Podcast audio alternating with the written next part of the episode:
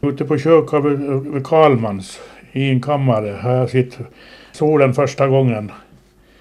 Det var så att det fanns ju inga BB där ute i skärgården utan det, det fanns en som hade praktik i köket som tog emot och förlöste kvinnorna där ute.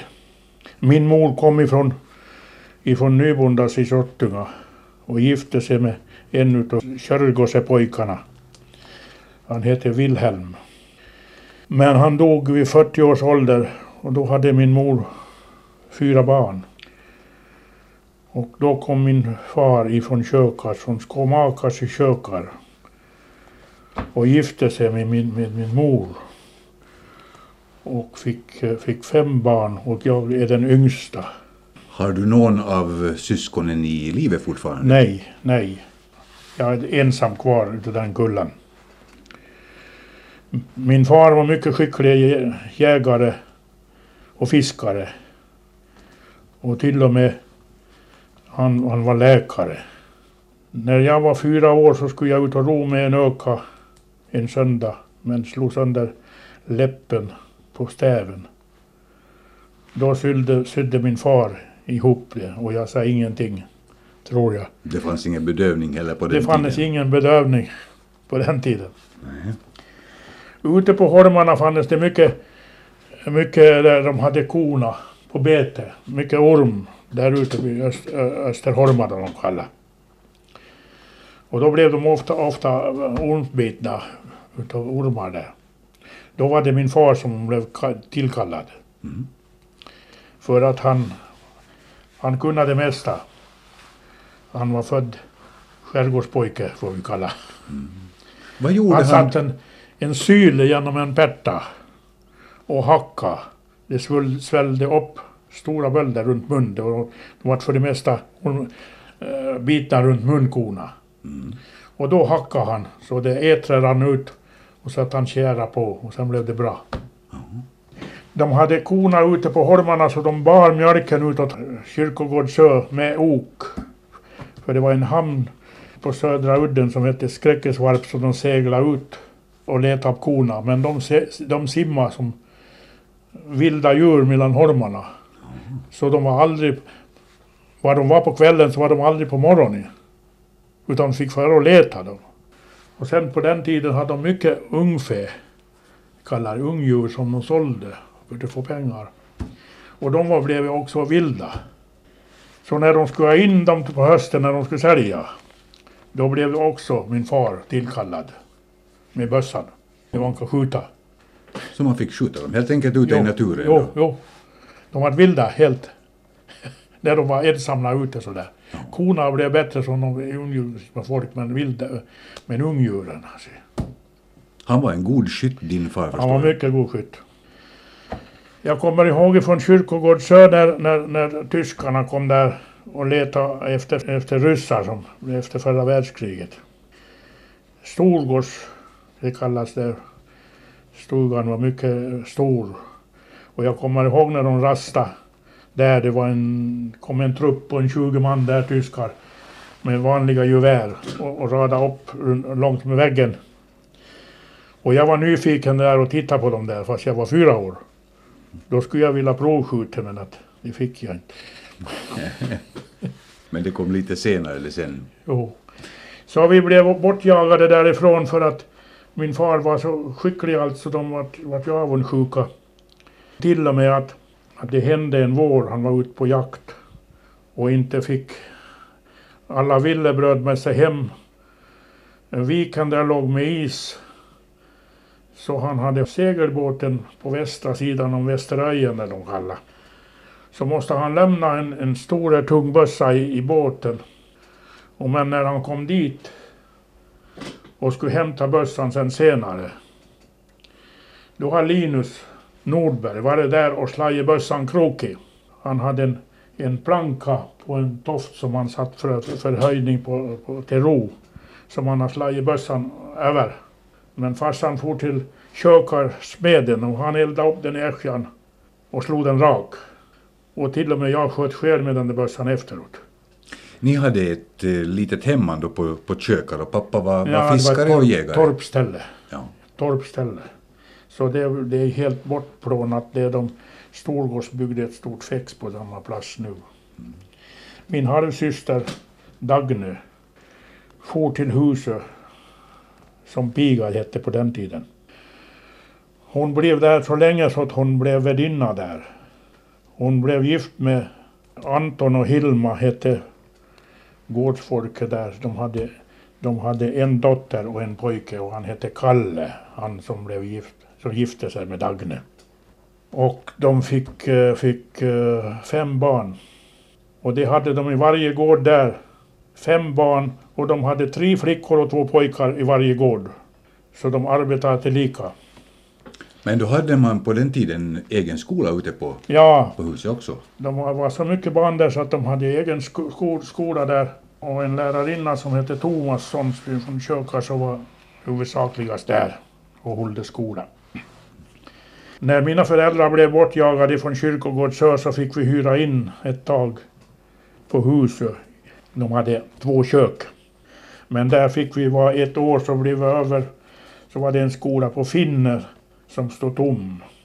Som vi fick hyra ett år där. Sen flyttade vi därifrån till Mossaga fanns ett hus där som, blev, som stod tomt som vi också bodde ett år i. Och då hade vi två kor som var ju huvudsaken att leva av. Och det var ett svårt jobb att skaffa mat den vintern vi bodde där. Farsan for med en, en kälka till Föglö och skaffa höj och halm. Och då gick den här svenska båten igenom isen på vintern så det var han kan passa på, på tidigt på morgnarna för att komma över rännan där. Och så var det till Tamossa och Ljung åt korna. Men det var viktigt att man hade då ett par kor och kanske Jo. en gris i gården, då klarar man jo, sig. Jo, det måste man ha. För att leva i skärgården. Och sen saltade ni in lite fågel och kött och, Ja, och där, där, där, på, där på, när han bodde så där så var det ju huvudsakligen fanns ju inga frys och inga kyl. Ingen, så det, det skulle saltas in då en, en, en tunna fågel till vintern. Och skelkött och torsk. Det var huvudsakerna som saltas in till vintern. Och du var tidigt med och jaga också. Ja, sen senare när min far for till Saltvik sen. Det var väl 1921 på vintern och det var en plats där som hette Skatan som han köpte. Och, och då var det ju huvudsakligast på somrarna att de skjuta skär och fiska. Då var det ju på den tiden skottpengar på skären så han fick ju 50 mark för varje käk. Först var det så att det var för nosen han skulle få, få det där premien men sen var det käken. Så att det, var då fanns det ju rätt så gott, gott, gott om skär. Så då fick jag börja vid 10-11 års ålder följa med farsan och passa båten när han hoppade upp på hällarna och, och skjuta. Men före det så hade du ju skjutit ganska mycket sjöfågel. Redan som sjuåring började du med det. Ja, jag var sju år när jag sköt första fågeln. Men då hade vi heller ingen, ingen hagelgevär så vi måste skjuta med kula. Jag var åtta år när jag sköt, sköt första gudingen med kula. Och det var på mossar. Men sen hade du varit med om mycket seljakt som sagt. Jo, under... eh, Farsan får aldrig några ställen att han inte hade... För han, han, han, fick tag i... När han var på kyrkogård så, så fick han tag i en svensk mauser. Och fick eh, då de här su- fisksumparna som körde fisk då till Sverige så fick vi från Sverige patroner och allt möjligt därifrån. Så han hade en svensk mauser och den hade han alltid låg i båten när vart än han for. Fanns det mycket sel på den tiden? Då? Jo, men att det finns mera nu på det. Nu, nu är det ju hemskt jävligt. Men att det var huvudsakligast vikar, vikarskälen som vi jagade då på den tiden. Det var ju gråskär också. Det diskuteras just nu eh, väldigt ivrigt huruvida man ska börja skjuta sel i, igen. Tror det är nödvändigt att man kanske decimerar det, det är så mycket skäl att det, det, det, lönar sig inte. Skälen, skälen är som klokt djur. Den har ett luktsinne som är tio gånger bättre som människans. En sked tar väder eller lukt av en människa på fyra sjömil. Det har jag praktiserat på. Så man, man måste alltid passa att man kommer från läsidan när man ska jaga sked. Att de inte fick väder. Så det finns ingen risk menar du att man i dagens läge skulle kunna utrota Det, det blir stammen? inga mindre till skjuta. Det måste bli pest på dem. För att nu har de ju, nu var det ju inga länge sedan som det stod i tidningen att de har hittat skedar som har, som har, det är väl frågan om någon sorts pest som har sjuka, sjuka i tarmarna. Det är någon sorts pest på gång och det blir så när det blir för mycket av något djur. Det har varit likadant ute både hare och ekorre. När det blir mycket av dem så blir det pest. Du har till och med en gång varit med om att en, en säl har hoppat in i, i båten. Jo, det var jag inte så gammal. Jag, vi, vi skulle köra ut med skötarna. Och, och så var det en häll ute i fjärden där som, som, som de låg på. En fyra, fem stycken och vi hade en encylindrig motor som ruskade ordentligt. Och jag sköt emot honom fast farsan tog geväret och jag saktade ner allt vad det gick. Men båten ruskade så mycket så, så farsan steg ju upp sen med mausen och skickade av på 150 meter och det stod, och tog ovanför rumpan. En dum, dum kula så det slog ryggen tvärs av. När vi kom dit till hällen så, så var det blod på hällen så vi såg att det, att det hade tagit. Så kom han upp en 100 meter ifrån. Och det gjorde så ont så att han, han ropade. Han började ropa högt. Så till slut, han avtog i krafterna. Så vi hade ju ingen koppling på motorn så vi måste börja ro till det sista att gå. Och till slut så fick farsan tag mellan händerna på honom med, med, med, med huldungspickan det som de tog, tog skedarna med. När de inte var riktigt döda och så vidare. Men då satte han fart. Så vattnet stod över farsan och fäden alltihopa när han, när han blev fast i pickan. Och då fick jag tag i ena skrävlen och mamma i den andra och då hoppade han inåt båten. Då skulle han på oss när han hade någon annan undanflykt. Men det var enastående till se att de kom inåt båten. Så de kan vara lite ag- aggressiva också, De går mot när de blir eh, trängda. stängda. Min farsa var med och gick i skäris. En gång där utanför Rannöarna så hittade de på sjö där. Och, och alltid när de inte hade någonting hårt att gå ner, då, då gick de emot.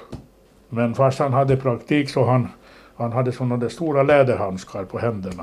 Han hade inga gummihandskar på den tiden. Så han kastade handskarna åt dem när de kom. Och då skenade de på dem de handskarna. Men då skulle de vara där till lika med pickan och slå. De trodde när de tog de där handskarna att då... så kloka var de. Har du jagat mycket annat också än sjöfågel och, och, Jag och varit, jag, jag, jag varit på älgjakt. Under kriget jagade vi älg. En Alix-Tamme och jag hade sökt licens där i Saltvik och Långbösarna. En vinter hade vi på fyra. Och utav de fyra så sköt jag tre.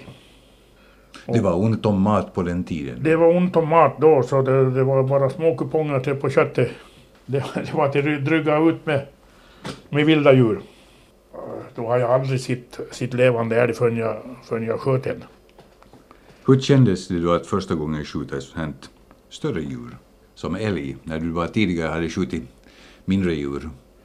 Ja, harjakt, det var, man, man ju höll ju på alltid att jaga hare. Och, och orrar, orrar finns det inga mera, det har uvarna tagit slätt. Det är så i denna, denna vår att det har inte varit en, en riktig vår när man inte får har örren kuttra. Det brukar vara enastående. Då vet man att det är vår. Men det finns inga orrar mera för uvarna har tagit allt. Nu skrev de ju från Eckerö att örnarna har tagit ådarna på bo. Men uven är specialist gör det. För det har jag sett själv. Örnen är lite för stor och tung egentligen men uven är smartare som örnen. Ni flyttade som du berättade här tidigare till Bertbyvik så, så småningom till, till Saltvik. Skattan hette, hette stället. Och då var du just ungefär 14 år eller något sånt här va? Jo, jag var 14 år, började till sjössen när, efter konfirmeringen. 32. Men då som 14-åring så hade du inte hunnit gå egentligen någonting i skolan ännu inte. Nej, det, det kom, eh, det kom, det var, jag hade skola i ett år. En Tyra Lindholm som kom där från, från Nago och, hade skola där. Så jag gick en termin. Och sen var jag, var jag så gammal att jag måste ha börjat ta ikring mig. Men det är alltså att du har gått i skola under ditt liv det? Jag gick en termin. Hördu, vad fick ni lära er i skolan på den tiden då? Ja, no, det var det här vanliga, det här vanliga som är i folkskolan det. För att jag gick ju första och andra klass ja, den, den terminen bara. Så jag vart ju dålig i räkning men att min mor lärde ju mig hur man, hur man delar en brödkaka. Och det har du i stort sett klarat dig Ja, på det har jag måste livet. fortsätta med. Och det har ju gått rätt så bra. Men du ville ut på sjön och det krävde kanske inte på den tiden så väldigt mycket skolning heller. Nej, det är praktiken. Praktiken på sjön. De där papperna, det har jag sett att de är, papperna kan vara odugliga ibland. Men du var bara ja, 15 år när du första gången åkte iväg ut på sjön. Jo, efter, efter jag blev konfirmerad så for jag ut på, på, på en galjas som hette Frid till Ljungman. Jag var tre eller fyra månader där. Följande år så for jag ut på samma galjas. Och då mönstrade jag som äldsta man, eller styrman. Och kapten hette Donatus Segerström. Där gick vi vakt om vakt. Och, och vi klarade både grunnor och holmar. Och då fanns det bara segel, bara segel. Men det var snabbt marscherade kan man säga från Ljungman och matros då bara några månader och sen till... Jo, sen Till tredje året så for jag ut som styrman på en galjas som hette Meteor. Och där vart jag tre år. Till Rosenberg dog sen. Så den galjasen såldes till Simsjöla. Men där var du Och jag var hemma och fiskade. Då var vi ute på Rannöarna. Vad fraktade ni på den tiden med de här galjaserna då? Ja, det var ved. Då på den tiden fraktas det ved till, till, eh, till Sverige. Björkved ifrån Sassmora, Österbotten, lastade vi eh, björkved och, och seglade till Sverige. Men att det blev ju sämre och sämre undan för undan det också. Men sen blev det Rannöarna för din del. Du fick lite tillräckligt Ja. av sjön och ville börja fiska istället. Under kriget, under kriget då så fiskade man på Rannöarna för då gick, det, då gick det faktiskt att leva med fiske. Till och med de kom ju ut till Rannöarna och köpte där ute. Och vi till och med behövde inte gela utan vi fick salta strömmingen med gelorna i på, på sista tiden. Var det uteslutande strömming som ni fiskade då heller? Jo, strömming. Men om vi nu går tillbaka till din eh, barndomstid ute på Köka så där var det ju gäddan som var väldigt viktig. Det var gäddan där som var huvudsakligast att få några pengar för. Och det var ju 10 mark för det mesta för levande gädda. Som, det var ju sumpar då, fisksumpar som kördes till, till Sverige. Men strömmingen var högt i pris under krigstiden. Jo. När kriget blev slut så då har ju alla ätit så mycket fisk så att då, då blev det sämre tider med, med fiske. Så då var Anka till börja med sjöfart. Och då köpte du faktiskt en egen galjas åt dig. Jo, jag köpte 37. En egen galjas. Men att den sålde vi sen- då när alla, alla fartygsbyer köptes upp och sk- skickades ut till Norge. Så jag sålde den åt Emil Söderlund 43. Men sen när, när de där galjaserna kom tillbaka från Norge då hade Anton Häggblom en galjas som hette Gärd som var byggd i Gäta. Som kom tillbaka som jag blev skeppare på. Och den hade jag i två år men att då var det ju det här eh, motorn var dålig och allt så att Häggblom sålde ju bort den till Borgå. Men då kom eh, Valdemar Höglund och hade en båt som hette Ceres som han hade en kapten på som gjorde bara haveri då året före. Så kom han och, och frågade om jag ville komma och bli skeppare där och det tog jag jobbet. Jag var där fyra år och det gick ju bra hela tiden. Jag körde mycket på Göta kanal med den för den var 30 meter lång och slussarna var 32. Och körde mycket upp till Motala. Upp till Motala var det 37 slussar och 23 broar som man skulle gå igenom. Med en meters marginal både Jo. för och aktern då. En meters marginal i före och akter. Och då var det, jag körde gjutsand ifrån Vättern till Dalsbruk. Som det slipstensberg som de malde, som var enkoms gjutsand. Det var, den var vattentvättad. Det fi, fina gjutningar i Dalsbruk som tog de det där. Jag var du, många laster. Annars var det huvudsakligast vete ifrån Linköping och Söderköping. Från de där stora kornbodarna, de där slätterna där uppe. När man körde genom Göta kanal så var det som att köra i ett hav i de där slätterna som har grävt. Ryssarna lär ska ha grävt den där kanalen som, som, som var ryska fångar i Sverige. Men här ställdes du inför ett litet problem sen så småningom eftersom du inte hade någon direkt skolgång eller något papper egentligen i, när, när du gick som skeppare. Du var bland annat i Helsingfors också och blev kollad där. Hur det egentligen var med dina Jo, det var första gången jag kom till Helsingfors då när jag var, blev skeppare på Ceres. Så kom det sjöfartsinspektören ner och frågade efter papperna. Jo, jag har nog papper, sa jag, men att jag visade dem och det var på galjasen med hjälpmotor. Det här är ju ett motordrivet fartyg, sa han. Men när du har kommit hit utan haveri så ska jag skriva ett papper åt dig till 57 breddgraden. Och det gäller Dämman som är Ölands norra udde. Fick jag rättigheter på. Sen var det en annan gång som jag kom ifrån Linköping med vetelast och lossade i Åbo. Som vi, vi lastade så att, att vi lastade fullt upp under luckorna. Så att luckorna låg på lasten. Och vi satte ett skott vid förluckan tvärs över. Så kom Rinne och så sa han att du kör vete utan slingerskott, sa han. Ja, sa jag, vi har nog ett slingerskott, sa jag, med det, det är tvärs över båten. För att den blir på för, för mycket på förlasta så jag satte tvärs över istället. Ja, det här får du nog fan sluta med det, sa han. För det ska vara slingerskott. Men han sätter man slingerskott utåt en, genom en lucka så går det inte att lossa med krabb. De måste vara ett sugrör. Han var borta en timme så kom han ner igen och så sa han Hörru, den här båten går under de här reglerna, sa han. Du får köra vete bäst fan du vill, sa han. Du har i hela ditt liv egentligen varit intresserad av, av fartyg och du gav dig in också i ett eh, köp som handlar om, om Kalsö. Det var ett Gustav Eriksson-fartyg. Den eh, havererade vevaxeln i Nordsjön. Och den blev in, till Cuxhaven. Och vi fick höra om det där så jag tog min svåger med och Gustav Erikssons. Och gick in till Edgar och frågade vad kostar Kalsö. Och då svarade han den kostar 3 miljoner. Den säljs som skrot.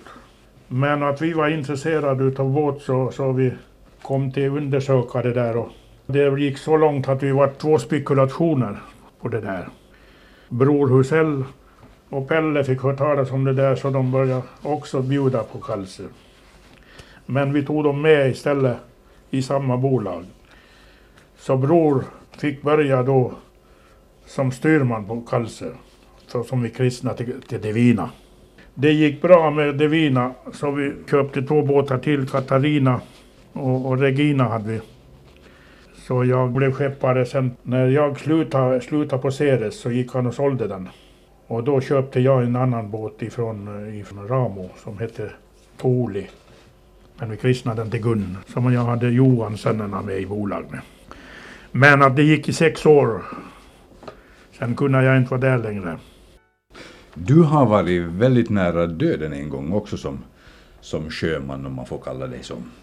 Jo, det var ända medan jag var på Ceres det. När jag var kåldosförgiftad i Helsingfors. Och hela besättningen egentligen.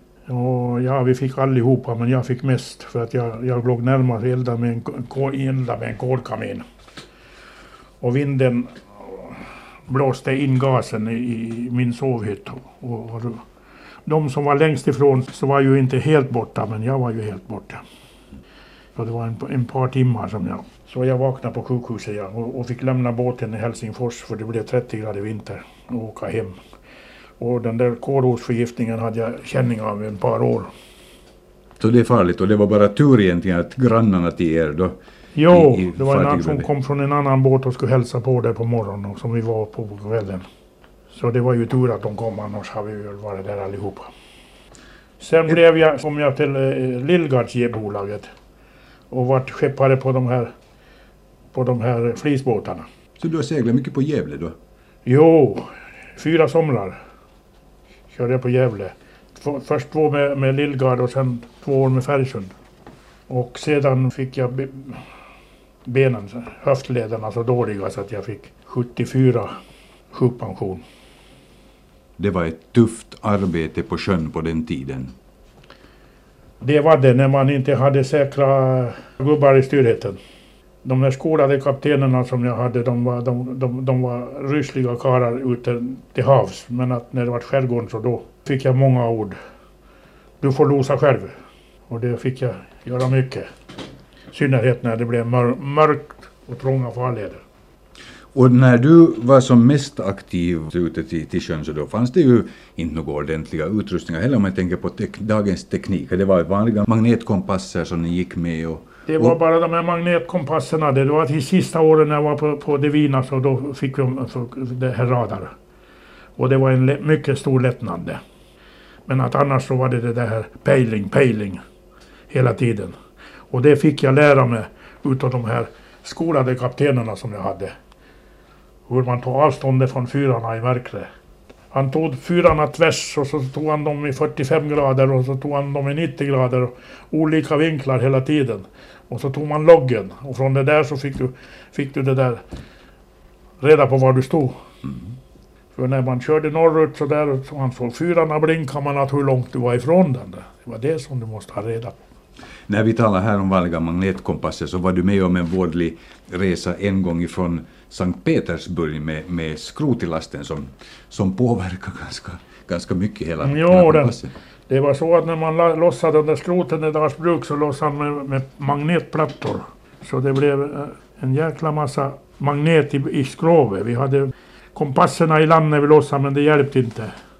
Det var magnet i skrovet så vi fick en 20-30 grader kunna kompassen kasta efter sådana där laster. Och då hade jag ju faktiskt en, en gång turen som spelar in ibland också. När jag kom ifrån Leningrad och blev tjocka, körde hela Finska viken i tjocka, men vi hade, vi hade loggen. Sista landkänningen så var det södra udden på Hogland. Och sen var det till Damba på bara. Men efter loggen så skulle jag stå utanför kallbådan, där utanför Porkala.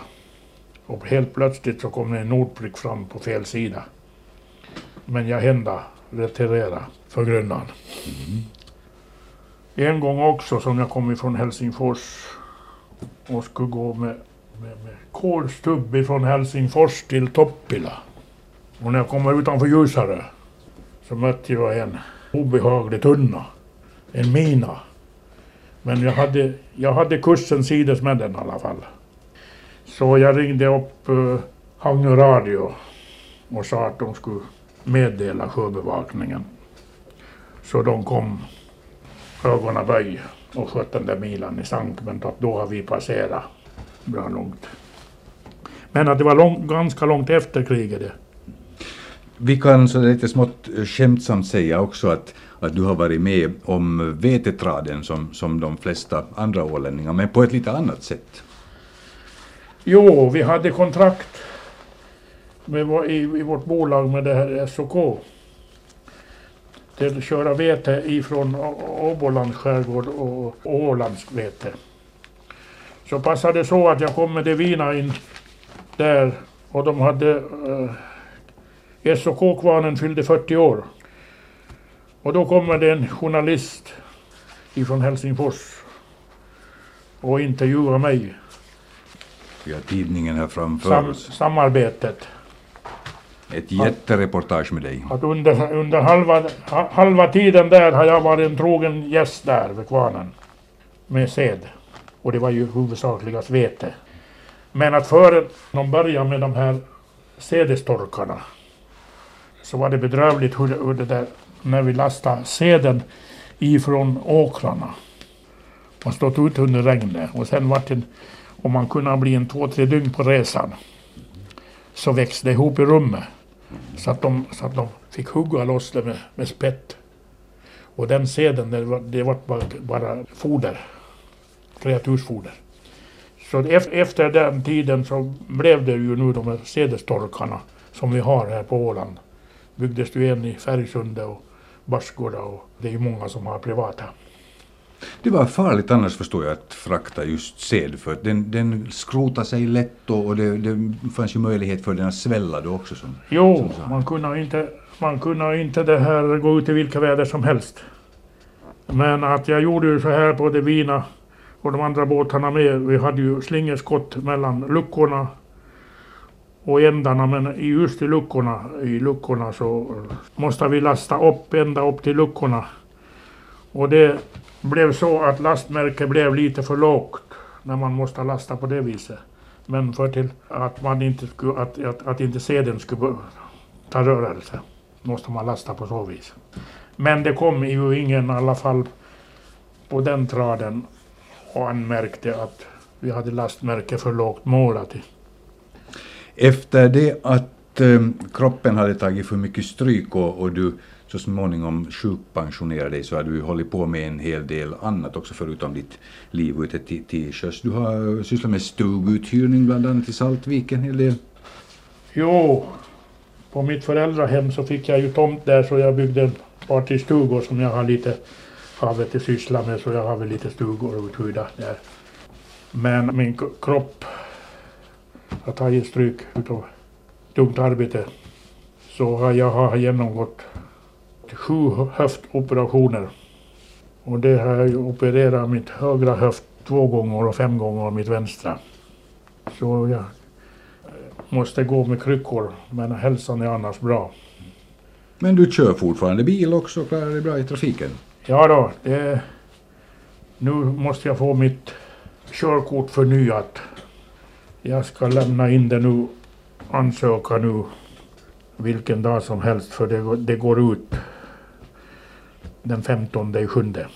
När du fyller 85? När jag fyller 85. På tal om bilar, så du har alltid varit lite intresserad av, av bilar och handlat också med, med sådana? Ja, jag har många bilar. Jag har, jag har köpt och jag har sålt. Och under kriget när man körde utrikestrafik så fick man, fick man sätta in lönen i, i, i tysk, tysk valuta. Och då gick det att importera bilar ifrån Tyskland, bara man hade tysk valuta. Så det har jag tagit ett par stycken. En sån här... En Opel-rekord tog jag 47. Som var mycket fin.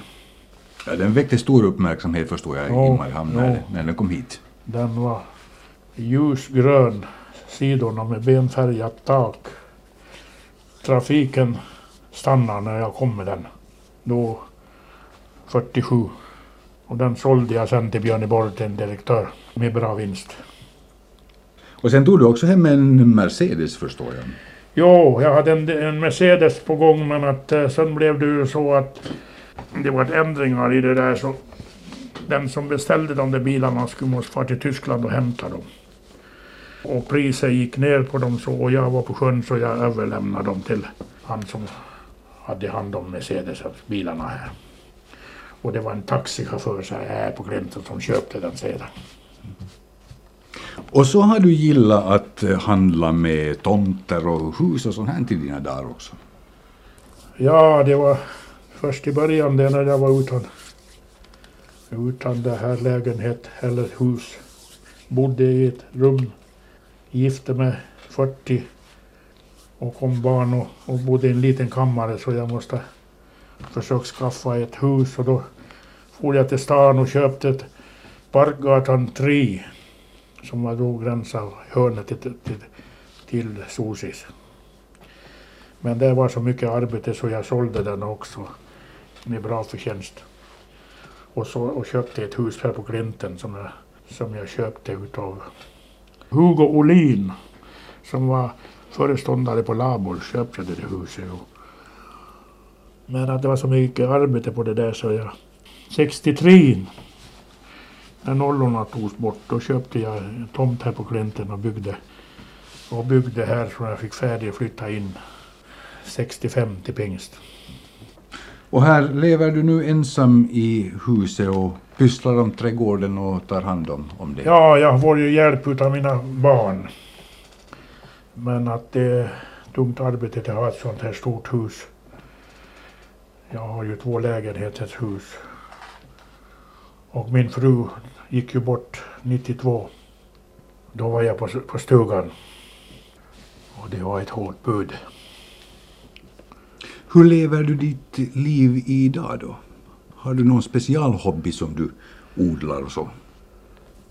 Nå, jag har lite potatisland som jag odlar och, och, och, och lite jordgubbar. Och. Sen vet jag att du, du har inte riktigt lämnat det där med, med fiskande ännu heller. Du håller på och, och tillverka lite nät och Ja, och men nät måste man ju fiska hela tiden att man får till husbehov. Och det är roligt, roligt att praktisera och se om det finns några. Och där i Saltvik har både abborren och gäddan ökat mycket. Så det finns så mycket det finns så mycket abborre där nu att man kan inte lägga, lägga ett nät på natt där. Utan bara en och två timmar ute. Och det är en av dina söner, han är fiskare och du samarbetar lite med honom också. Jo, Binder. jo. Det är min yngsta son. Han är ju, han är ju laxfiskare. Men att det, det är så dåligt betalt för lax. För laxen när de får, när de får den så billig ifrån, eh, ifrån Norge. Så att de får, får så dåligt betalt att det, och, det kör en resa då, han brukar köra till Gotland. Men det får 500 kilo lax, köra dit så, så går bara till bränsle. När de får en 15-16 mark kilo. Thomas, vi satt här tidigare och tittade också i en annan tidning. Och, och det visar sig att, att du har också varit aktiv inom hemvärnet bland annat och du får också en liten sån här veteranpension idag. Hur kom det sig att, att du kom med i de rullarna? Jo, då under kriget så, så, så var det ju det här, det här eh, hemvärnet. Och gick man inte med i hemvärnet så fick man gå till skogs och hugga ved. Och jag som bodde nedanför Årdals klint, det gick ju, gick ju vakt på Årdals klint. Och vi var därifrån Vikarna huvudsakligast pojkar som, som gick vakt där. Och vaktade alla, alla, alla flyg som passerade. Till och med att vi såg ju där, när tyskarna kom hit och så kom de farleden då, den här Ålands hav var ju avstängd med minor då, här i Eckerö. Men eh, farleden gick ju norr med Åland då till Sverige och norr med minfälten. Så vi såg nog när tyskarna kom, de kom med sådana här lastfartyg och kom till Finland och, och skulle hjälpa finnarna då. Och det var en väldig, väldig sång. De var ju lastade de där transportfartygen, eller det var ju vanliga lastfartyg som de har bestickat med kanoner som de, som de hade för transportfartyg. Så det var en väldig sång. De var ju, det var ju, såg ut som mörstackar på de där båtarna när de kom med folk. Och idag får du en liten veteranpension och, och du har också fått motta Finlands Vita Ros för din insats. Jo, jo, jag fick ju det också för tapperhet vid fronten. Jag vet att, att du servar också dina kamrater där uppe vid Årdalsklint som inte hade så mycket mat under den tiden. Jo, jo, jo. Hur gick det till då? Ja, no det, det gick ju så till det att när man har varit jägare så, så kunde man ta lite extra kött. Så jag gick ut en dag med, med geväret och, och sköt faktiskt en älg och, som vi delade upp på gänget. Alla tyckte att det var välkommet. Men sen när, när, när fredsslutet var, då fick, vi, fick jag sluta och min, min, min kompis också. Vi, fick vi segla ved med Fenja efter kriget. Thomas, det är en sak jag sitter och funderar över här eh, medan vi, vi har samtalat. Mm, om man vill summera ditt liv så finns det några saker som jag tycker är ganska fantastiska. Och det är det att du börjar egentligen med, med två tomma händer. Som en liten fiskardräng ut på, på kökar. Du har gått en termin i skola under hela ditt liv och du har inte fått någon annan utbildning annat än, än din livserfarenhet och, och praktik på, på sjön. Men du har eh, handlat både med ja, fartyg som börjar med från 100 ton till 1000 ton. Du har handlat med båtar, du har handlat med bilar. Eh, va, Vad, är hemligheten till att du alltid har lyckats skrapa ihop de, de här pengarna trots att du, du, du var dålig i matematik? Ja, jag var faktiskt född naken, som mesta delen är. Men jag ska säga att när jag kom till Saltvik så var det ju ett med Ålands fattigaste plats. För att de köpte ju det där på skuld och ingenting till få för, förtjänst eller någonting. Men det prak- jag praktiserar på allt vad jag har gjort så är det bara praktik. Och, och praktiken är, är en bra sak ska jag säga. Om man kan ta vara på den. Man måste komma ihåg och ita, ita hur allt jobbar. Och så vidare. Så det tycker jag att, att jag har klarat mig rätt så bra till den här åldern. Så det behövs lite smak i tummen, hårt arbete och lite tur. Det ska vara, behövs alltihopa. Och sen är det en stor sak om man är född på morgonen. Som du är. Ja. Men du kallar dig själv för Thomas Tvivlaren. Det stämmer ju inte Ja, riktigt. enligt Bibeln, om man ska läsa den, där står det ju om Thomas Tvivlaren. Och det kan, kan jag ju säga att jag har varit skeptisk på många saker. Och i sådana fall, då, då kallar jag mig för tvivlaren. Är det så du vill summera ditt liv så här långt? Jo.